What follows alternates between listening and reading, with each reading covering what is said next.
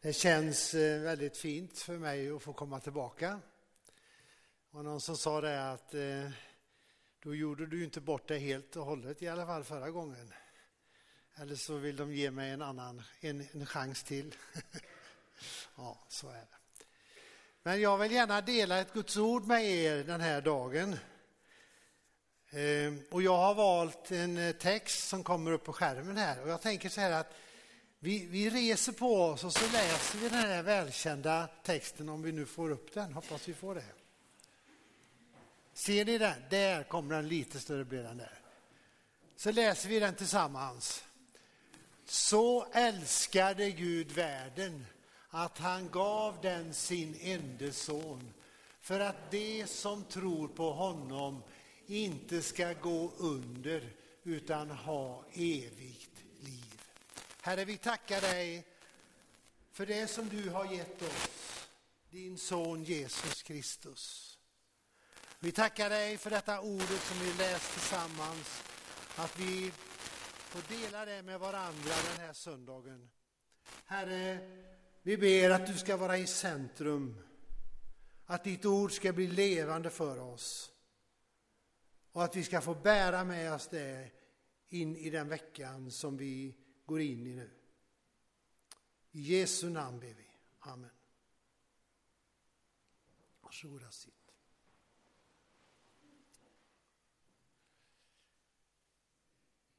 En av Bibelns mest kända texter. Den kallas också för lilla... Är det något problem med micken? Är det den? Jag tar bort den här, stänger av den.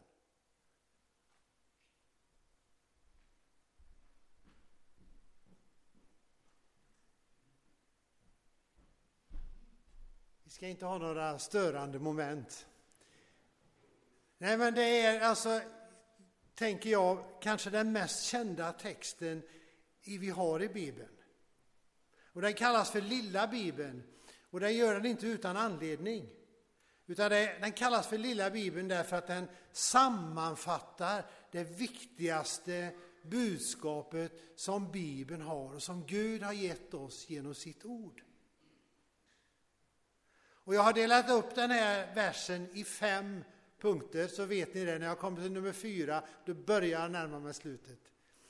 Men jag, ska inte, jag kommer inte vara jättelånga punkter, så jag tror att ni kommer att klara av att hänga med skapligt. Men den första punkten den handlar om att Gud älskar världen. Gud älskar världen, alltså den fallna skapelsen. Inte för att den är fallen, utan för att det är Guds skapelse. Att Gud älskar världen, det innebär däremot inte att Gud ser på något sätt mellan fingrarna på vår synd. Att Gud älskar världen innebär att Gud vill upprätta världen. Alltså Gud vill ta bort synden, det som skiljer människan från Gud.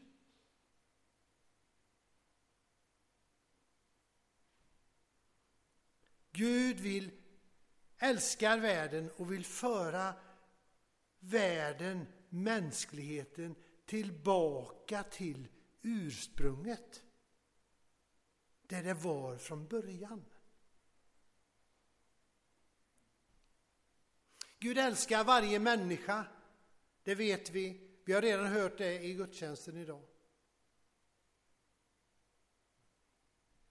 Men inte på grund av våra gärningar.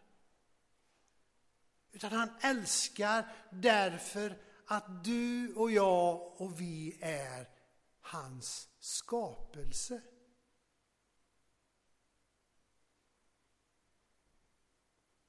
Alltså att Gud älskar oss, det innebär att han vill ta bort det som skiljer oss från honom. För han, hans kärlek gör att han vill vara så nära oss som möjligt. Gud vill befria oss på alla områden. Gud vill föra varje människa in på den vägen som leder till livet i hans närhet. Det är därför som Gud blir människa i Jesus från Nasaret. Guds son som avstår ifrån allt som han har hos sin far. Han lider, han dör istället för mig och istället för dig.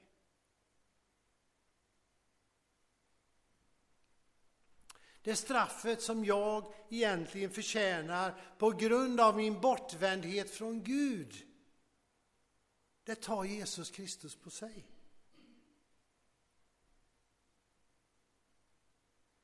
Valet som Adam och Eva gjorde innebär ett liv utan Gud. En evighet utan Gud. Men Guds kärlek handlar om att Gud öppnar nådens och förlåtelsens väg. Vägen bort från att gå förlorad, vägen till gemenskap med Gud. Det är det som Guds kärlek handlar om. Det andra som jag vill säga någonting om, det är att Gud ger sin son. Hade vi en bild till? Det är vad Gud älskar världen. Nej, det kanske inte funkar. Det, det, vi distraheras inte av det. Gud ger sin son. Alltså Jesus Kristus är en gåva. Gud gav sin son. Vad gör vi med gåvor?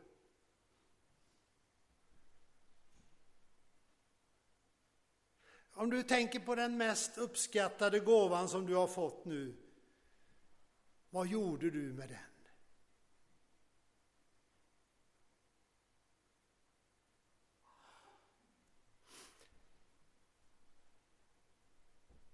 Jag återkommer till det.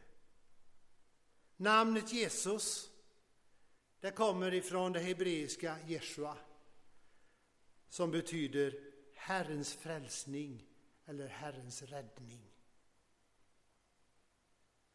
Guds räddning från någonting till någonting.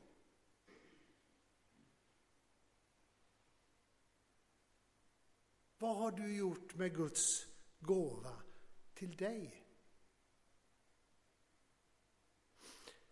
När jag växte upp eh, på 1970-talet i Missionskyrkan i Borås, då var verkligen frälsningen i fokus. Inte bara i Missionskyrkan, utan i hela stan. Det var väckelse i Pingstkyrkan, början på 70-talet. Väldigt många människor strömmade till Pingstkyrkan.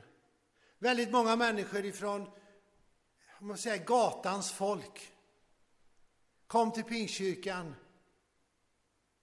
Och vi missionsungdomar, vi gick dit för vi var lite nyfikna. Unga tonåringar, vi ville höra BB sa vi. Lite bönebrus. Och det var fullt av folk. Och människor blev frälsta.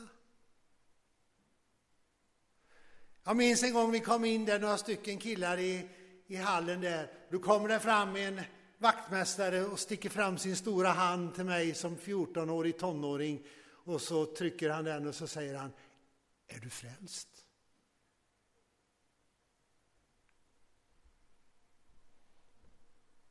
Ibland när jag berättar det så tänker folk så här, det måste varit en jobbig fråga.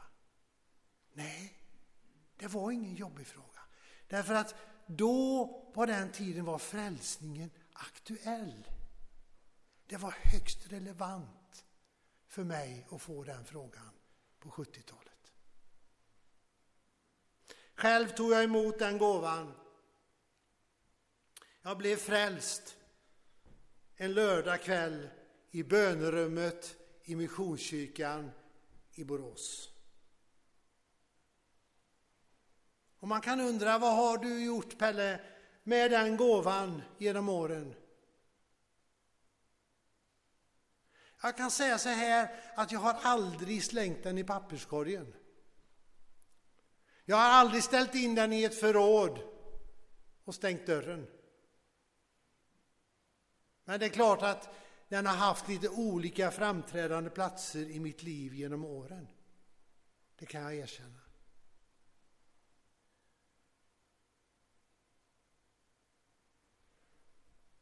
Vad har du gjort med den gåvan?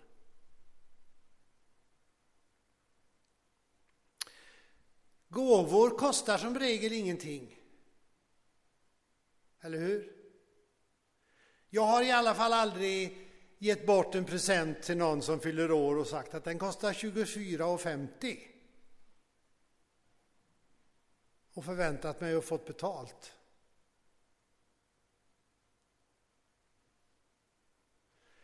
Men eh, när jag ger bort en present så förväntar jag mig någonting utav mottagaren.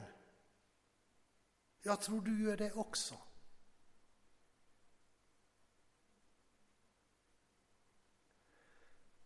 Man förväntas höra ett tack. Jag förväntar mig att eh, personen i fråga är så pass nyfiken på innehållet så att han eller hon öppnar det.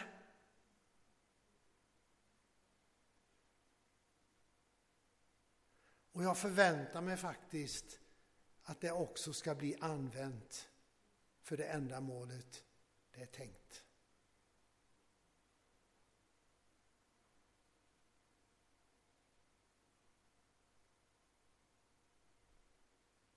Gud ger sin son till världen.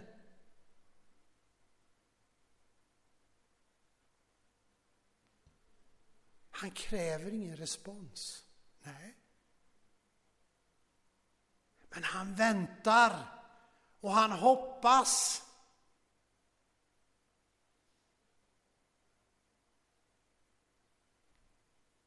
När Adam och Eva hade gjort sitt val Och Gud kommer fram på kvällen i lustgården. Vad är det han säger?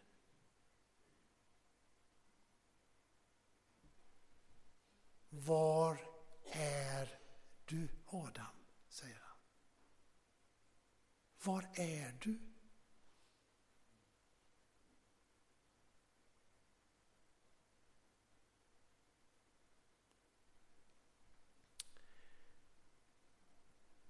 Det är genom att ta emot gåvan Jesus Kristus som vi kan komma nära Fadern. Vad har du gjort med Guds gåva till dig?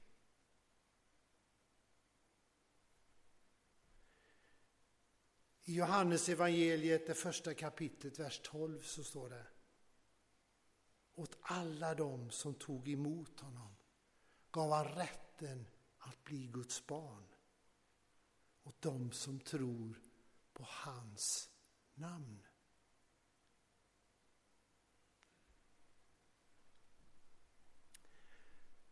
Den tredje punkten som jag vill tala om handlar om tro.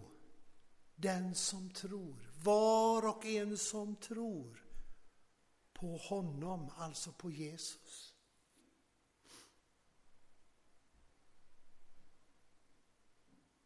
Löftet om evigt liv, löftet om att komma in i Guds rike hänger ihop med tron på Jesus.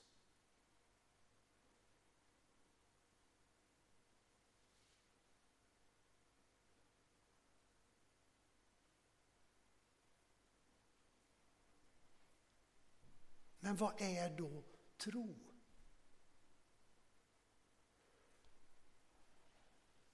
Jag tror att det blir eh, ganska vackert väder i eftermiddag. Nej, det är inte den tron det handlar om.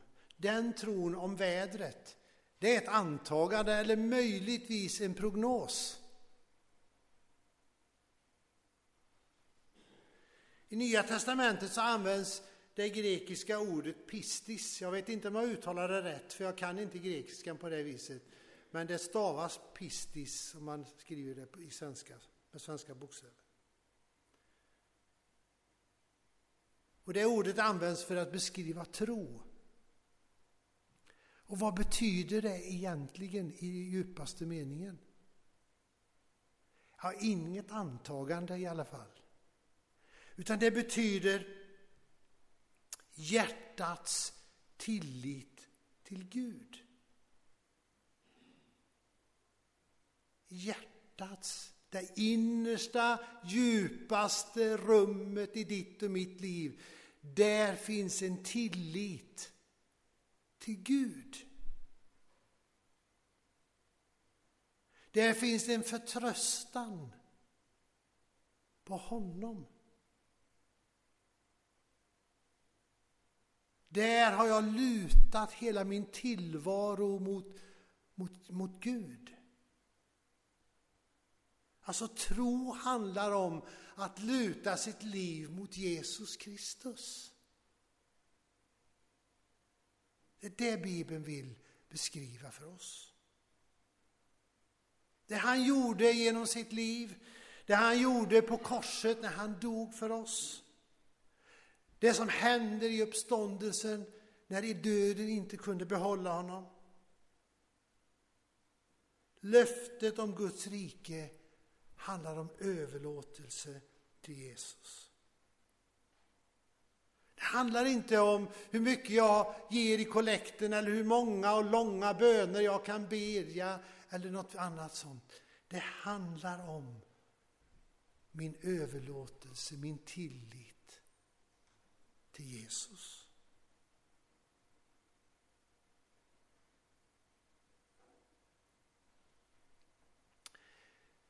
Jag tror att jag ska ta en bild till på tro här, men då måste jag ge mig av ifrån predikstolen.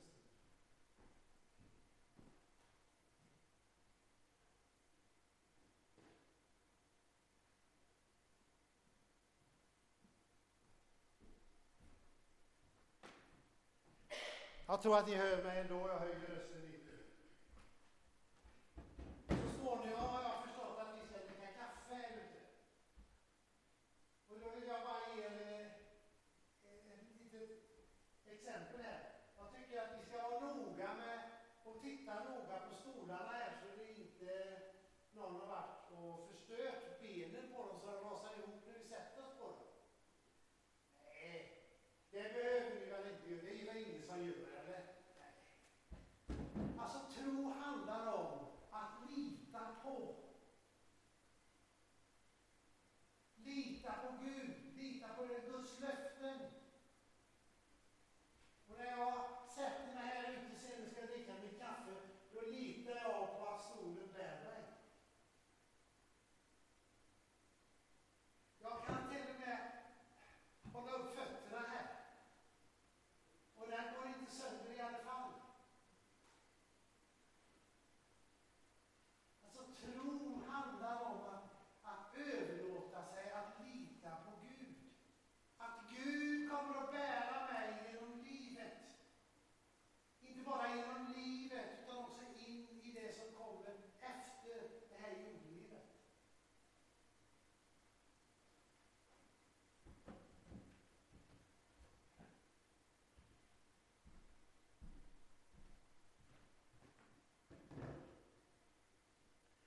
Tro på Jesus. Var och en som tror, säger bibelordet.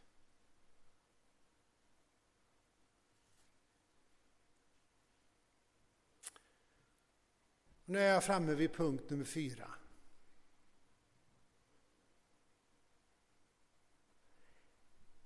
Inte gå förlorad. Vad innebär det att gå förlorad? Det stod i texten om att gå förlorad. Vad innebär det att gå förlorad?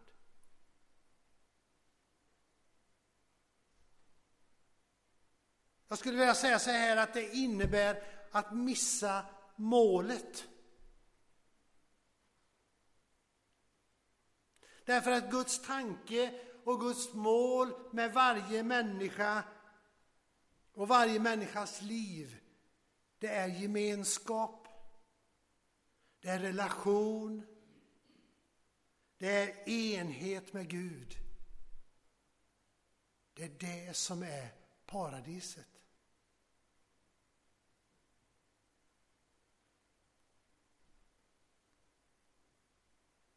Adam och Eva står det i Första Mosebok att de blev utvisade från paradiset. De blev utvisade ifrån det som är den naturliga och mest självklara och eviga gemenskapen med Gud, Fadern, Gud Sonen och den heliga Ande.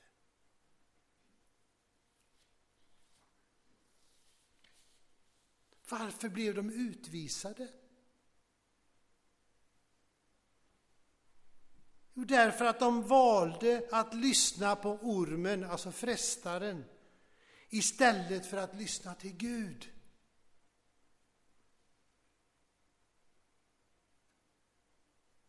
Och frestaren sa, ni kommer visst inte att dö. Det är bara det att ni kommer att bli som Gud. De ville vara sin egen Gud.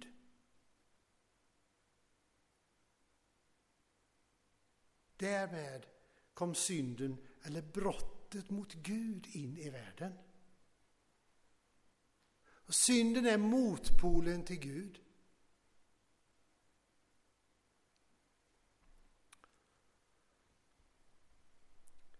I femte Mosebok och i Hebreerbrevet 12 så står det att Gud är en förtärande eld.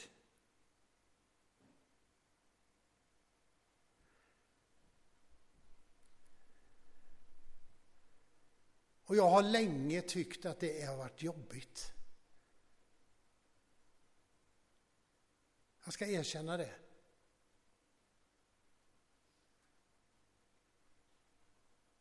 Men jag har kommit fram till att det är en välsignelse.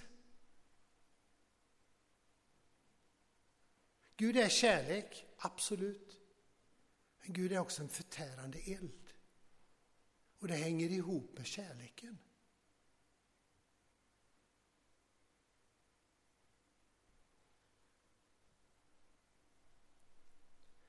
I hans närhet kan bara det äkta bestå.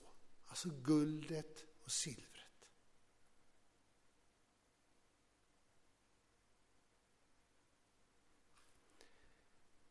Det går inte att förena Gud och synd.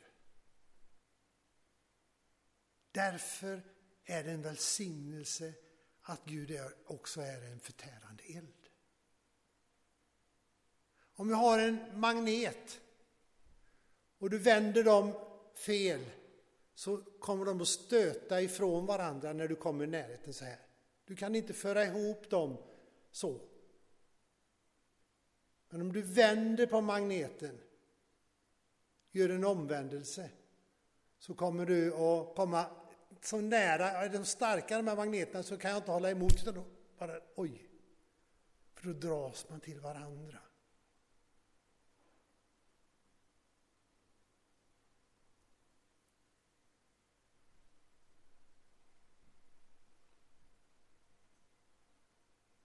Gud är en förtärande eld. Han bränner bort det som är av halm och strå, det som är dåligt i mitt liv. Om jag tillåter det. Och guldet och silvret kommer att vara kvar. Och jag tänker mig då att guldet och silvret i mitt liv, det är det som jag har tillåtit Gud förädla.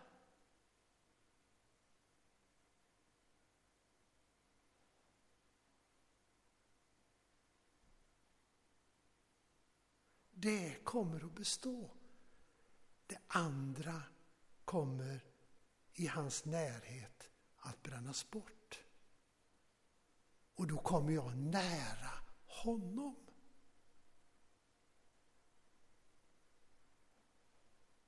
Vi är kallade att leva i Guds närhet.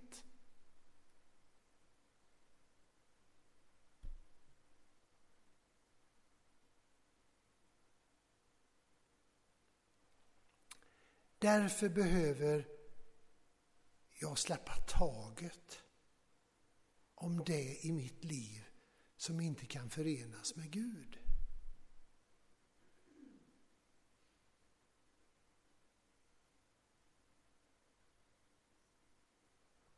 Att gå förlorad handlar om att missa det målet som Gud har för mig, för dig.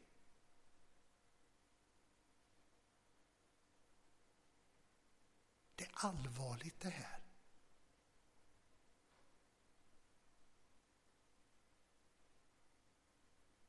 Men det är väldigt grundläggande i den kristna tron.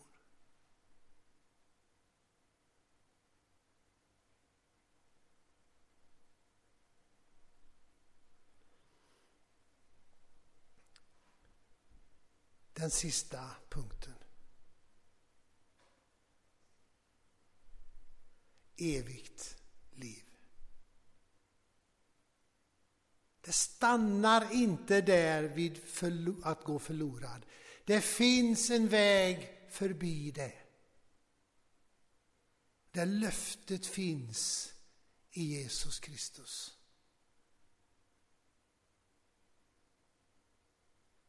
Evigt liv. I Nya Testamentet så används det grekiska ordet aion för evig. Och när det ordet används om Gud eller om Guds frälsning, om livet efter detta, så används det i absolut mening. Och det innebär ändlöshet.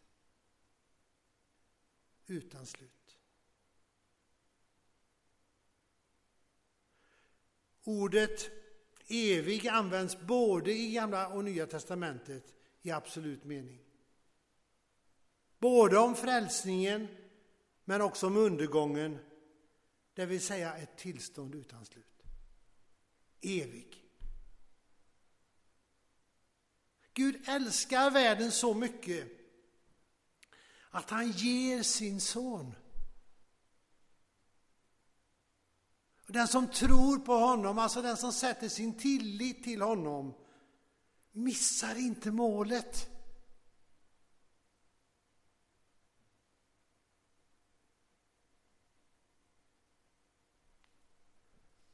Tar du emot gåvan som innehåller en evig tillvaro och ett evigt liv i Guds totala närvaro. Och man kan ju undra, alltså, man kan ju fundera och tänka väldigt mycket på hur är den här tillvaron? Jag tror att vi har gjort det allihopa. Hur är det? Hur kommer det bli? Jag kommer ihåg en eh, gammal man i, i församlingen. Han, eh, han var sjuk och låg för döden. Och eh, så satt hans fru där på sängkanten och så tog han hennes hand och så tittade han på henne och så sa han Nog finns det en torva för mig i himlen där jag kan vänta på dig.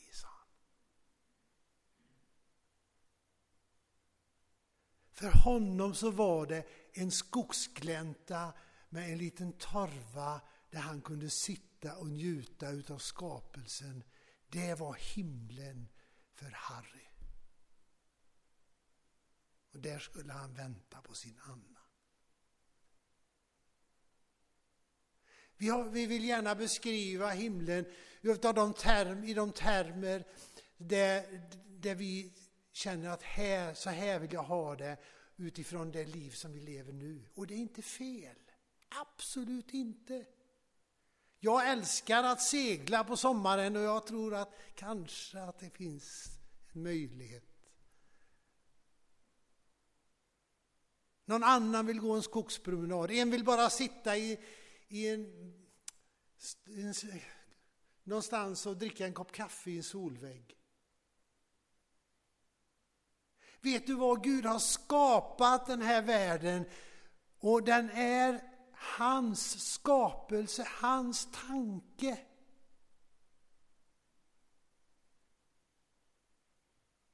När Gud hade skapat den här världen så såg han på allt sammans och så sa han att det var mycket gott, står det i Första Mosebok.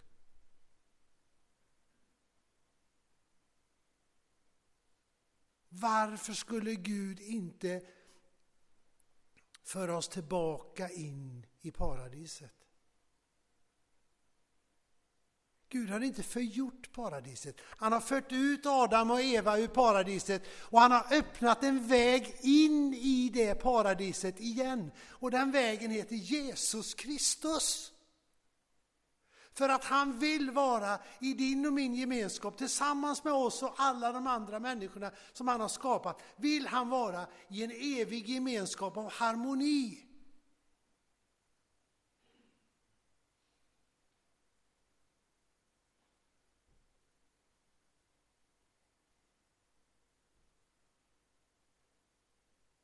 Det eviga livet vet vi inte så det är jättemycket om.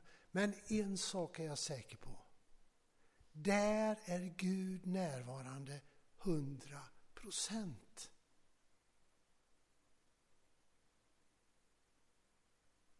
Och när Gud är närvarande hundra procent, när det inte finns någonting som konkurrerar med Gud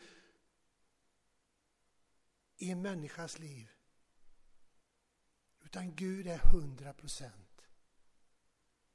då finns det inga krig. Då finns det ingen avundsjuka. Då finns det inga maktbegär. Inget habegär. Då finns det inga naturkatastrofer, miljöförstöringar, sjukdomar. Därför att det går inte att förena med Gud.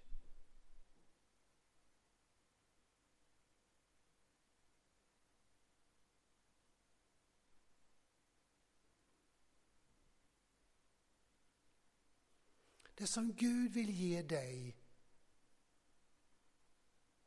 i Jesus Kristus. Det är ett liv i Guds rike. Han vill ge dig det nu.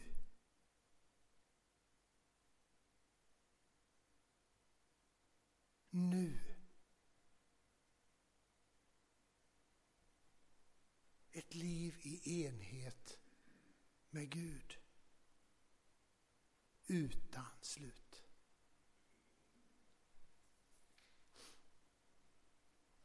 Johannes han skriver Gud har inte sänt sin son till världen för att döma världen utan för att världen ska bli frälst, räddad genom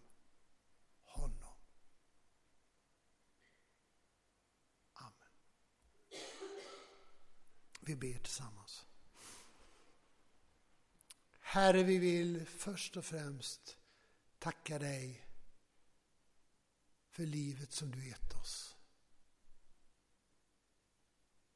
Herre, vi vill tacka dig för att du har gett oss en möjlighet att leva det livet tillsammans med dig här och nu.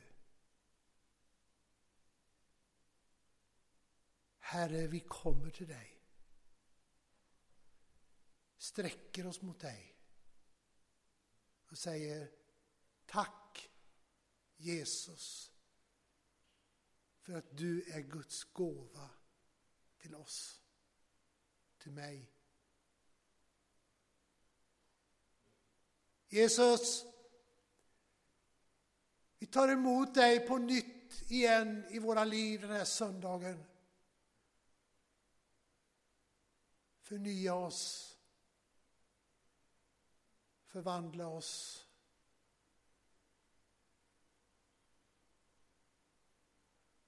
Herre, kom också med den för, din förtärande eld. Så att vi kommer närmare dig. Så vi riktigt får krypa nära dig, Herre.